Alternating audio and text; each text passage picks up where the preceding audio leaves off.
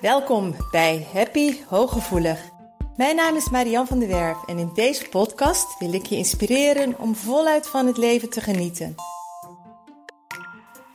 Wil je ook leren hoe je vanuit je innerlijke kracht en gevoeligheid met minder inspanning meer geluk kunt ervaren? Heb je zin om positief, energiek en vrij van onzekerheid en angst door het leven te gaan? Dan is deze podcast voor jou bedoeld. Door mijn werk als therapeut en mijn eigen vallen en opstaan leerde ik wijze levenslessen die ik graag aan jou doorgeef. Samen op weg naar een licht en ontspannen leven. Ga je mee?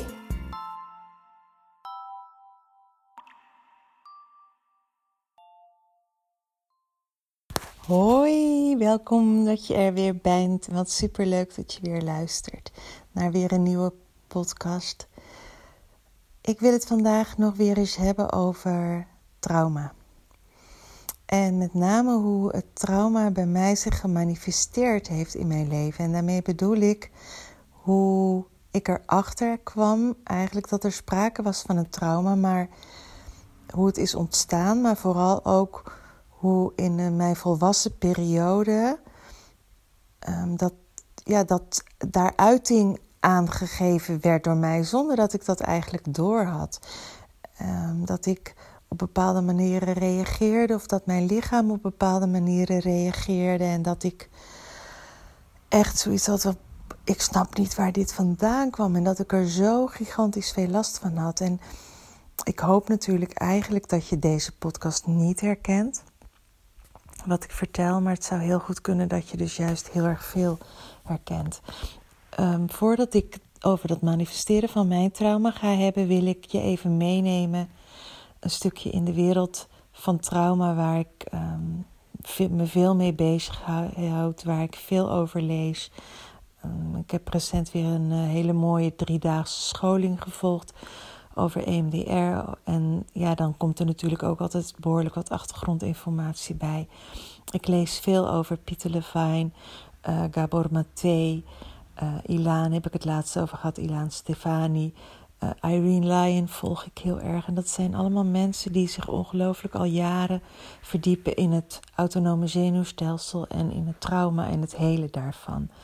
En bij trauma denk je natuurlijk zelf misschien wel heel erg aan een auto-ongeluk, uh, eh, PTSS door oorlog, doordat je aangerand zou zijn, verkracht, uh, bedreigingen, mishandeling, ernstige. Maar um, waar ik heel erg veel te maken mee krijg binnen de praktijk. En als ik naar mijn eigen trauma kijk, dan gaat dat over een um, trauma wat ontstaat in de loop der jaren in de vroege jeugd. Wat vaak helemaal niet zo onwijs ingrijpend lijkt. En um, in mijn geval in wezen ook niet ingrijpend was, omdat ik eigenlijk hele liefdevolle ouders heb en hele normale jeugd heb gehad. Maar een, zo, zo'n ontwikkelingstrauma, wat zich vaak al heel erg vroeg, uh, wat heel erg vroeg al ontstaat, um, dat is wel iets wat vaak door de hele jeugd terugkomt. En dan heb ik het over bijvoorbeeld uh, een bepaalde manier waarop er tegen je gesproken wordt, een bepaalde manier waarop er tegen je aangekeken wordt. Um, vandaag had ik een, een EMDR-sessie met iemand um, die gewoon heel vaak afwijzing kreeg in de vorm van: Nou, dat kun jij toch niet, daar ben jij te dom voor. Um, laat mij het maar doen, want jij bakt daar toch niets van. Waardoor diegene echt de overtuiging heeft gekregen van nou, ik ben waardeloos. Ik voeg niets toe aan deze wereld. Um, ik stel niets voor. Ik doe er niet toe. En dat kan dus wel degelijk zo heftig zijn geweest dat je daar een trauma van krijgt. Een burn-out bijvoorbeeld kan heel veel impact hebben. Het feit dat je dan eh, er zo uitknalt en zo vermoeid bent en um, niet meer kan functioneren, kan een trauma achterlaten. En je moet bijvoorbeeld al bedenken dat uh, wanneer jij heel jong bent, heel klein bent, uh, ergens heel erg verdrietig over bent, omdat je bijvoorbeeld je poes of je, of je hond overleden is. En in plaats van dat er dan volwassenen zijn die jou daarin begeleiden, die jou daarin steunen en jou daardoor heen helpen, um, genegeerd wordt. Dan ben jij in een hele andere realiteit als de anderen, omdat jij daar heel veel verdriet en pijn van hebt en niet weet wat je daarmee moet doen en er geen uiting aan kunt geven. En dan de, de pijn, het verdriet, dat blijft binnenin jou. En dat kan een trauma achterlaten, omdat het er niet uit kan. En dat is wat in wezen een trauma is. Dat is de heftigheid van een gebeurtenis die ehm, een angst- of paniekreactie of een hele overwhelming, overweldigende reactie heeft veroorzaakt in jouw systeem. Wat daarna niet los is gelaten, wat je nooit hebt kunnen loslaten, wat dus achterblijft in jouw systeem. En wat er dan gebeurt als je dat dus niet kunt loslaten fysiek, maar ook niet door je te uiten, um, dan wordt dat op de verkeerde plaats in je brein opgeslagen.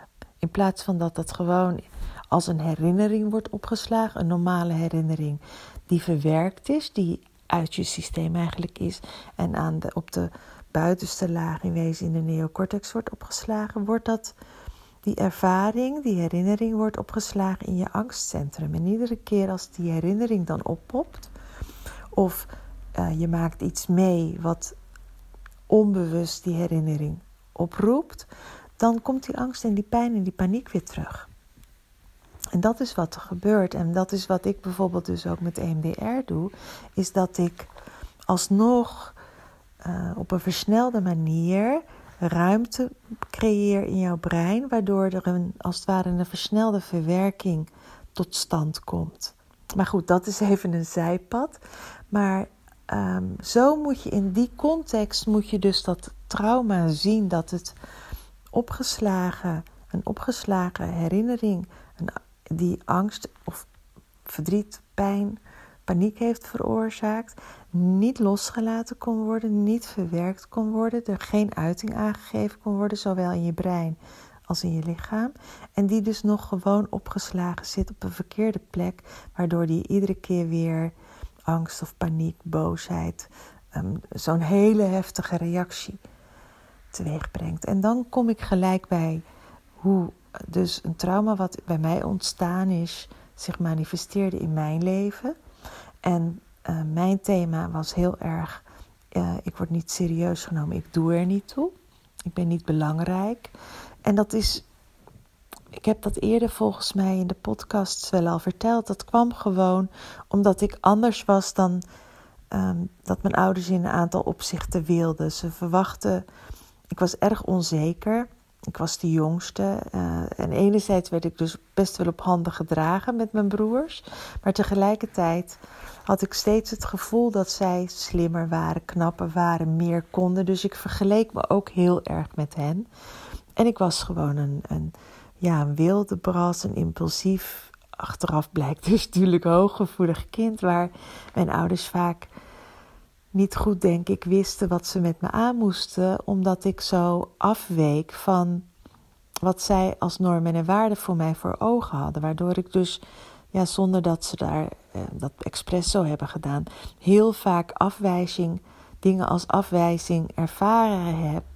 En dus vanaf heel vroeg al een stukje eenzaamheid um, ja, gevoeld heb, maar ook de afwijzing. En die afwijzing heeft, is gewoon opgeslagen in mijn systeem als trauma-energie, omdat ik me dan ongelooflijk alleen voelde en um, gewoon niet, niet uh, het begrip kreeg, niet de steun kreeg die ik op dat moment in wezen onwijs hard nodig had, maar daar helemaal alleen in stond en heel eenzaam in stond. En um, hoe uitte zich dat nou in mijn leven? Uh, vooral uitte zich dat bij mij, uh, bij mijn partners. Want op een moment dat zij, dat ik dan ergens mee zat, of dat ik me ergens verdrietig over maakte, een punt wilde maken, uh, iets ter discussie stelde. En um, dat werd niet begrepen of daar werd geen aandacht aan gegeven, een van mijn partners. En ik heb, ja, het is eigenlijk een, een hoop in, op, opzichten echt een leuke vent. Maar um, die zei dan tegen mij: Wat doe je moeilijk, joh? Uh, moet je ongesteld worden of zo? Neem een pilletje. En dan werd ik zo ontzettend boos. Echt, dan werd ik, dat kun je je nu misschien niet meer voorstellen, omdat ik zo chill ben. En dat is dus ook omdat ik het verwerkt heb. Maar ik werd dan zo ongelooflijk boos dat ik helemaal uit mijn stekker ging. Dat ik met dingen bij wijze van spreken kon gaan gooien, ruzie ging maken, stampij ging maken. Ik herinner me nog een keer dat ik zo eigenlijk in paniek was dat ik niet meer wist wat ik moest doen. Dat ik s'avonds laat de auto heb gepakt, dat ik uren ben gaan rondrijden in de hoop dat ik maar rustiger werd en in de hoop dat hij zich heel veel zorgen om mij zou maken. En dan kwam ik thuis. Toen lag hij lekker te slapen. Toen werd ik nog bozer. Maar puur uit machteloosheid, het gevoel van onmacht, het gevoel van zo, van zie je wel dat ik er niet toe doe, zie je wel dat ik niet belangrijk ben, zie je wel dat niemand om mij geeft. Dat die pijn was dan zo intens en ik kon daar gewoon niet op een gezonde manier ook uiting aan geven, omdat ik, dan had ik hartkloppingen, in mijn hoofd blokkeerde compleet.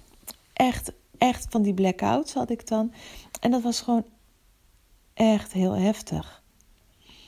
En um, dat, kon ik, dat kon dus zo gebeuren als er, als er een trigger was met één simpele opmerking. En het was wel een, geen leuke opmerking, maar het kon ook zijn als ik bijvoorbeeld um, hoopte dat hij om vier uur thuis zou zijn en hij zei: Ik blijf nog wat langer bij collega's, ik drink, we drinken nog wat en ik kom wat later thuis dan kon ik ook zo boos worden. Niet, niet zo extreem, maar oh, dat kon zoveel pijn doen. Want dan dacht ik, zie je wel dat ik niet oké ben? Zie je wel dat ik niet belangrijk ben?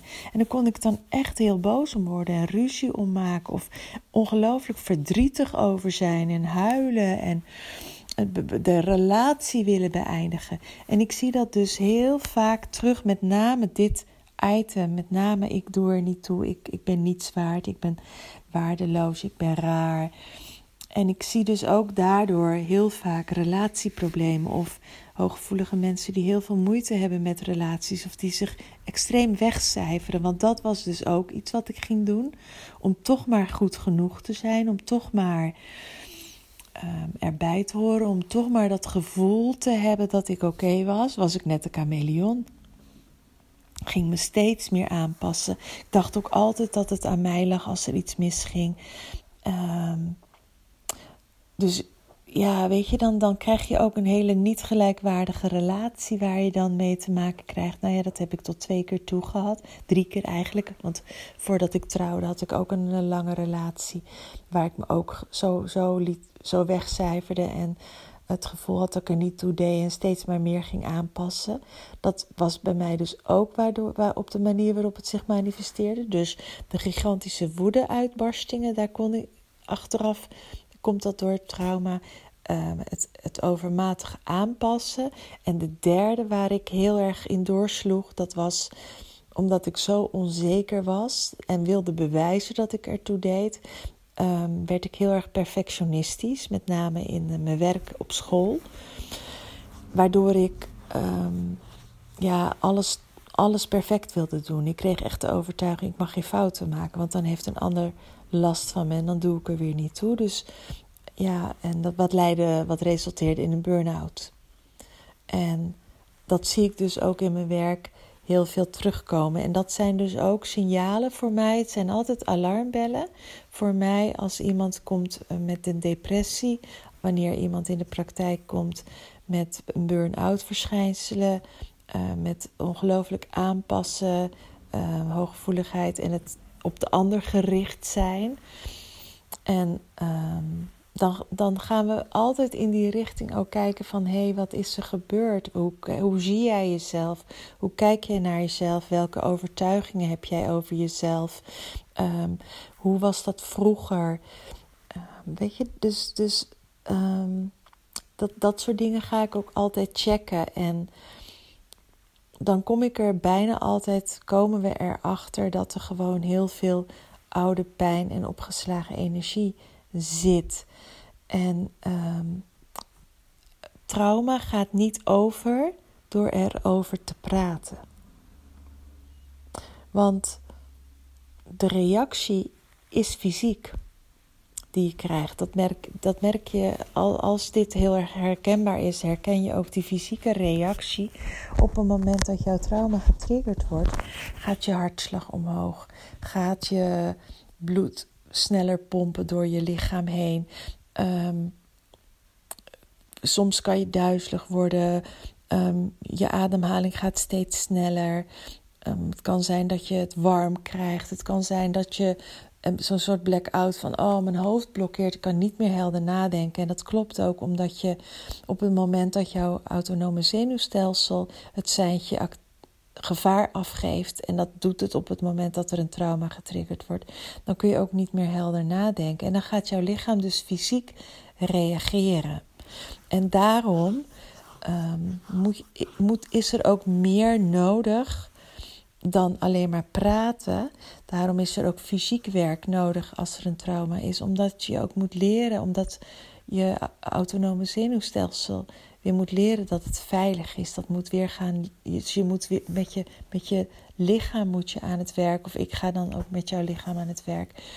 Uh, of met het lichaam aan het werk, moet ik zeggen, als ik EMDR geef. Uh, A, om het lichaam de kans te geven om los te laten. B, om de verwerking versneld te laten zijn. En C, om ook het lichaam de ruimte te geven om alsnog los te laten. Ik zie ook vaak dat uh, iemand, uh, zonder dat ze het zelf doorhebben, dat de arm gaat schudden of dat het gezicht gaat trekken. De oogbewegingen worden heel, uh, um, als ze de ogen dicht hebben, de oogbewegingen gaan heel erg heen en weer. Dus ik zie ook allerlei fysieke reacties van het lichaam, waardoor ze aan het loslaten en aan het verwerken zijn. Um, dat is eigenlijk wat ik vandaag in deze podcast wil meegeven, zodat het hopelijk wat duidelijker is op wat voor manieren dus zo'n trauma zich kan uiten en wat voor jou een signaal zou kunnen zijn: hé, hey, zo reageer ik ook en dat gebeurt er in mijn lichaam ook. Want dan is het dus heel goed mogelijk dat een jeugdervaring of een eerdere ervaring in ieder geval, het hoeft niet per se in jeugd, maar vaak is het wel al heel vroeg. Um, opgeslagen is nog in je systeem. En dan krijg je klachten, omdat uh, heel simpel op het moment dat jouw overlevingsmechanisme geactiveerd is, wat iedere keer gebeurt op het moment dat je trauma getriggerd wordt. En trauma clustert ook graag, dus het uh, neemt vaak toe, gaan er onherroepelijk klachten ontstaan. Spanningsklachten, vermoeidheidsklachten, um, negatieve uh, overtuigingen, omdat er steeds minder gelukshormonen aangemaakt worden. Want op het moment dat jouw lichaam adrenaline en cortisol aanmaakt tijdens zo'n activatie van je autonome zenuwstelsel, kun je geen gelukstofjes aanmaken. Dus je gedachten worden negatiever, je humeur wordt minder, je stemmingen worden minder, die nemen af, uh, je wordt somberder. Um, nou ja, fibromyalgie is zo'n typisch voorbeeld dat er meestal, of dat het vaak met trauma te maken heeft, wat je niet erkent en niet herkent. Um, echt ziektes kunnen erdoor ontstaan, puur omdat als jij als je autonome zenuwstelsel verstoord is en steeds maar uh, in de stressstand staat, dus in de overlevingsstand staat, gaat dat, gaat dat iets met je cellen doen. Op celniveau gaat het beschadigen. Dus vandaar dat je veel vatbaarder wordt om ziek te worden en om allerlei klachten ook te krijgen, zowel dus mentaal, emotioneel als fysiek. Dus als je dit herkent, blijf er alsjeblieft niet mee lopen, maar doe er iets mee. Um, ik hoop dat mijn persoonlijke verhaal jou een stukje inkijk heeft gegeven hoe het werkt. Wat ik dus wel vaker vertel, hoe dat er dan uit kan zien. En um, nou ja, herken je dit in je omgeving? Wijs alsjeblieft dan de persoon erop. En um, help mij om uh, deze podcast te verspreiden. Wat ik ook in de andere podcasts steeds benoem. Um, wil je met jezelf aan de slag? Wil je echt gewoon even wat begeleiding hebben om meer zicht op jezelf te krijgen? Om te kijken van hé, hey, hoe zit dat bij mij? Neem gerust contact op. Uh, je kunt ook meedoen met een mooie training Alignment. Daar zit echt een heel stuk diepgang in. Daar zitten ook drie één op één sessies bij. Uh, waar we ook over dit soort onderwerpen het kunnen hebben. En daarna heel specifiek kunnen kijken. Want dat heeft ook met in lijn zijn met je innerlijke zelf te maken. Dank ehm, dat je luisterde naar Ik hoop dat je hier heel veel aan hebt. Heeft deze podcast je nieuwe inzichten gegeven? Hopelijk je doet me groot plezier met een recensie op Apple Podcast. Je kunt je natuurlijk ook abonneren op dit kanaal in jouw favoriete podcast-app. Want elke week staat er een nieuwe aflevering voor jou klaar. En wil je nu zelf aan de slag en meer lichtheid ervaren? En sta je open voor nieuwe inzichten en verandering? Neem dan vooral eens een kijkje op mijn website www.zienswijs.nl. Daar help ik je graag nog verder. Zie ik je daar?